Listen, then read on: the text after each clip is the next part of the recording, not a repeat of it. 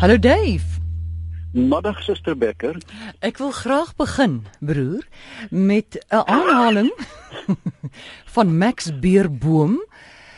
Hy was blykbaar 'n skrywer en hy het gesê om te verwoes is die grootste instink in die natuur. Wat dink jy van daai stelling? Max Beerboom. Nou hoop ek nie ek gaan mense beledig nie, maar hy is een van die mense wat my in die geskiedenis die meeste irriteer het. Hy was 'n Engelse satirikus en enige iemand wat 'n roman skryf met die naam van Zuleika Dobson moet in elk geval uit die geskiedenis verwyder word. Uh, ek het 'n vriend ek het 'n vriend gehad wat 'n klip onnosele hond Zuleika Dobson genoem het omdat hy Max Beerboom so verpes het. Ehm um, hy ja hy het uit spotprentjies geteken en uh, en homself uh, weet 'n oorlas gemaak net waar hy gekom het. Ek dink dit is 'n bietjie geil van Max Beerboom om, om oor vernietiging te praat want hy was 'n salon kreatief jy weet hy het nooit buite gekom maar kom ons kyk na sy stelling um, amore. Um, ek dink soos ons al tot herhaling en, en tot verveling gesê het is dat die alfa en omega van vernietiging is gebrek aan selfrespek. Dit kom altyd daarop neer. Um as jy 'n klein bietjie lief is vir jouself, kan jy dan ook liefde vir ander, maar ook vir ander dinge ontwikkel. So dit is 'n um, uh, jy weet, dit is 'n geforseerde onbeheptheid wat sê ek is pikswart ek is onintelligent, ek is onbeholpe en daarom kan ek doen wat ek wil. As jy dan steel, uh, afbreek, besoedel, bevestig dit eintlik net jou eie nutloosheid en en mense soos dit is eintlik selfkasteiers. Hulle weet jy ou daai ou vorige post het homself glo so geslaan hoor ek, maar ons kan later daaroor. Het hy vir Max geslaan of homself? Nie homself Daar was glo dit was uh, saans na na donker was dit 'n verskriklike geraas in sy kamer, maar ek wil 'n bietjie meer daaroor lees voor ek daaroor praat. Ek vind dit net baie snaaks. Ehm um, ja. Nou, uh, dis like waar val jy nou uit? Goed, ons kom terug na Beckspeerboom. kom ons gaan kom dan terug nou. Ja, ek kyk Bernard Shaw het hom genoem die incomparable Max. Nou ek dink Shaw was seker dronk toe hy dit gesê het. Ehm um, So verwoesting word regverdig deur sekere mense. Dis nie dat hulle dit onbewus doen nie. Ek kan doen wat ek wil want ek het eintlik inherënt geen waarde nie. Maar amore dan kom een van die van die van wat verwoesting nog erger maak. Onlangs en ek praat van 'n week gelede, is daar breinskakeer skanderings gedoen op mense sê eh, eh, daar het 'n spinnekop oor my voet geloop, vergeet daarvan. En dan kan jy kyk na watter dele van die van die brein vuur of nie vuur nie. En skielik is daar ontdek en ons weet dit intuïtief dat as jy emosie onderdruk, hmm. gooi daai onderdrukte emosie 'n skaduwee oor jou geheue en hy neem verwante inligting ook weg. Met ander woorde, dit is verskriklik skadelik om te sê ek gaan dit so diep begrawe dat ek dit nooit weer gaan daaraan gaan dink nie. En mense wat vernietig ly aan hierdie sindrome, dit is be hulle begrawe hulle skuld die skadu van hierdie begrafnis gooi weier in die brein. En dit bring my eintlik by dink dat dat beskaafde mense vernietig nie amore want hulle is meer lewend en hulle is deernisvol en bovenal bovenal mense wat beskaafd is is bereid om op te offer. Nou dink 'n bietjie aan die Engelse woord sacrifice. Sacrifice is eintlik to make sacred om heilig te maak. Om op te offer amore is nie 'n verlies nie, maar dis heiligmaking. En as jy net so begin dink aan die lewe, dan kan jy werklik ophou vernietig. So, ek stem nie met Max Beerboom saam dat mense net eenvoudig voor die vernietig. Goed, net gou vinnig weer beskaafdheid is volgens jou deernis met ander en die ander wat meer lewend is en ook deernisvol is. Meer lewend beteken in 'n mate in die oomblik lewe. Hierdie hmm. ding van mindfulness wat ons baie hoor hier staan. Ja. Jy weet om jou omgewing in ag te neem. En dit sluit lewende en jy dit is die boom, die klip, die hond en jou medemens. Goed. En as jy so deur die wêreld gaan, dan vind dan vind ek dit onwaarskynlik dat jy net moedswillig sal vernietig. Goed, ons gaan na meer eksakte goed. Het jy hierdie sampioen gesien? Amore, jy het die ding, ek het nou op pad geluister, ek het passie aangekom. Jy het dit opgetower tot een van die natuur se grootste vrae. Dis soos die begin van die oerknal. Wie jy um, Dit is op ons webtuiste dat ek net sê dis by ooggetye, ja. Brandmerk biefstuk. Ek het nog nooit so beskryf, baie mooi. Amore, daar's vier soorte sampioene in die algemeen. Dit is die paddastoel, die ding wat op 'n steel staan. Dan is daar wat die ou mense genoem het bobbejaan snyf, so 'n balletjie wat jy skop en dan trek daar bruin stof. En dan is daar die rakswamme wat teen dooie bome groei. Nou, van die groep paddastoele is daar twee soorte. Die een het kuwe, met ander woorde lamellae, jy weet die pragtige kuwe wat jy onder onder die keppie sien, maar die ander een het buise. Daar is ook hulle met buise.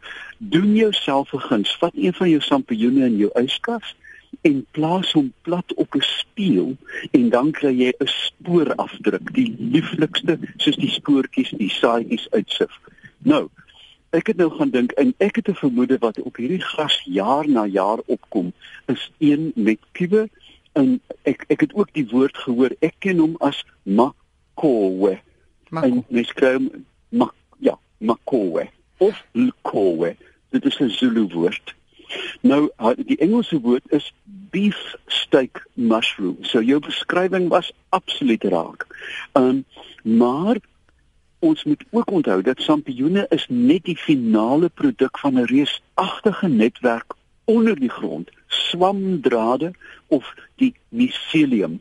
Nou eenmal die jaar gewoonlik raak die spul ryp en dan pomp hulle al hulle voedingsstowwe in die vrugliggaam en dit is die sampioen dit verskyn bo die grond maak spore en so plant hulle voor. Nou hierdie is die makowe.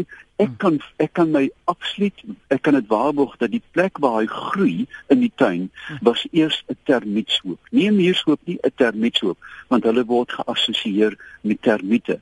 Nou as hulle Namibië ook optel, dan is dit beslis na groot reën gewoonlik naby 'n termiet se se hoop kom hierdie lieflike sampioen en ek kan nou vir jou sê dis koningskos. O, oh, so ek kan hom eet. Jy kan hom beslis eet. Uh, dit is koningskos en ek meen uh, uh, uh, jy weet so groot soos 'n nommer 11 skoen. Ja. Hemel, jy kan aan 'n klomp mense kos gee met so 'n ding. Heerlik. Goed, dankie Renay vir daai foto. Ons neem 'n oproep 08 91104553. Charlotte, hallo. Er is hier goeiemôre. Hallo. Ek kom maar praat. Amore. Ja. Ek wou graag weet of daar iets is wat David sal weet nie. Of daar wat is? Of daar iets is wat jy nie weet nie. O, daar is 17 goed so by die laaste telling. Kyk, dit is so nie. Daai het jy dit nou. Daar's 17 goed waarvan hy nie weet nie. Charlotte, hallo. Ooh, wat Charlotte, goeiemôre. Middag. Hi, Frama. Dave, asseblief. Hy luister. Ek luister. Dave is Annie Arend. Nou, Hallo, ek wil nou weer die een bek otter van Australië. Hoe kry daai kleintjies daai nou en daai kippies ek met daai een bek? Daar is o die een. Ja, kyk. Ek gaan hom afsit dan praat hoor ons duideliker. Ja. Ja, daar's hy. Die die sogenaamde die, die daar's twee forme van hierdie baie primitiewe soogdiere. Daar's die echidna wat lyk na die hy lyk na 'n klein eystervarkie en dan is daar die eendbek of die platypus. Nou die platypus is 'n snaakse ding dat hy het giftige kloue aan sy agterpote en hulle eet hoofsaaklik waterdiertjies en aardwurms wat hulle uitsniffel met die platbek onder die water. Nou meeste van hulle omdat hulle 'n 'n 'n 'n vroeë vorm van die buideldier is, word die kleintjie uiters primitief gebore en sy bek of snoet is nie so lank soos die volwasse nie. Hulle is blind, hulpeloos en gewoonlik wat hulle maak, hulle heg hulle aan die tepel vas soos met die kangoeroe. Hy sit vir maande vasgegom daarso en ma pomp net vetterige melk in hom in. Dit is uh, dit is byna soos 'n produksielyn. So hy word nie volledig met daai bek gebore nie, maar ehm um, word in die melk spleet. Daar da, dit is baie kompleks en ons gewoonlik melksplete of 'n primitiewe tepel waar hierdie primitiewe primitiewe diertjies dan vasheg. So um, en hopelik het sy uh, sy giftige angeltjie dan nog nie ont, ontwikkel dat hy maar in die lies kan knyp nie. Nou het ons die antwoord het. Wat was die vraag van daai antwoord? Die, die die vraag was die een soos ek het gehoor het, die een bek, die platypus, mm. hoe kan hy met daai vreemde bek aan 'n tepel suig? O, goed, nou weet ons. Dankie. Charlotte, goeiemôre. Nee, dis hoe ek dit verstaan. Hallo RSG. Hallo, dis is Annie so. Ek is 'n suggester en daai mushrooms waarvan jy praat. Noem ons almal jobbas. Mm. En hulle word so groot soos 'n eetbord. 'n Eetbord, ja. Uh, ja, en jy jy braai hom ja, lekker in botter en jy gooi vir jou verskeie mense doen verskillende goed, geel sout of room. Mm. Dit is dit is die ja. geheim van dit. Nee, maar ek ken hom so ek ek, ek dink die wortel van die woord as jy kyk dit klink baie soos die makowe, lekowe, almal klink so. Ja, dis daai wat jy die... nie so opgroei. Dis hy, dis hy. Ja, en maar jy moet hom jy moet hom pluk in die oggend voor die son opkom. En dis gewoonlik waar jy nie geen spok mekaar raakloop. Ah, want hulle eet dit. Ah, ek sien. Ja. Ehm um, wat ek vind dat hulle smaak so delikaat dat 'n mens dit gewoonlik baie versigtig moet gaar maak. Ek gebruik helfte olyfolie, helfte botter, 'n klein bietjie ui. Um, ja. En dan moet jy so min as moontlik bygooi want die geur is so lekker. Dan eet jy hom op roosterbrood of jy maak risotto met hom en dan Of jy eet hom net so, maar jy moet net so bakkant loop want o genade ek sê vir jou sê want as jy nie gewoond is aan daai smaak en daai daai dinge is nie is jou mag bitter omgekrap. Ja, maar aan die ander kant, jy weet, eh, die die probleem is al die botter en die vet. Jy weet jy kry mm. onblikklik 7 dae krimpsie. Goed, dankie Dave. 'n Vraag van Eileen sy sê, kan Dave vir ons vertel hoe weet mense en waarna kyk jy vir 'n mannetjie of wyfie by Tarantale? Ooh, ek weet nie. Oh. Kyk, eh, Tarantale het nie of voels het nie uitwendige geslagsdele nie. Hulle het 'n gesamentlike urogenitale opening wat die kloaka genoem word. Nou tensy jy die tarantaal op sy rug kan kry en sy beentjies oop en jy die kloaka kan oopmaak, is dit werklik baie moeilik. By voëls soos papegaaie is dit so moeilik dat dit inwendig bepaal moet word met 'n endoskoop. So, ehm um, in teenstelling met baie voels wat sogenaamde seksuele dimorfisme het, met ander woorde 'n pou, né, die pou mannetjie lyk soos 'n groot stuk van Las Vegas terwyl die wyfie lyk na Kanaben. Ehm um, so Hy vir nou gaan die mense van Kanaben my weer pak, maar hoe dit ook al sê, op 'n stowwerige dag. Ehm um, is dit nie so by ehm um, by Tarantale nie, en sal jy dit of per ondersoek of inwendig moet bepaal. Ek meen as hy op as hy eiers lê, dink ek is dit 'n wyfie.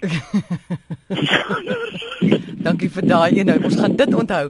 Dave, ek sê vir jou dankie en ons gaan na jou Facebookblad toe. Dis Dave Peppler.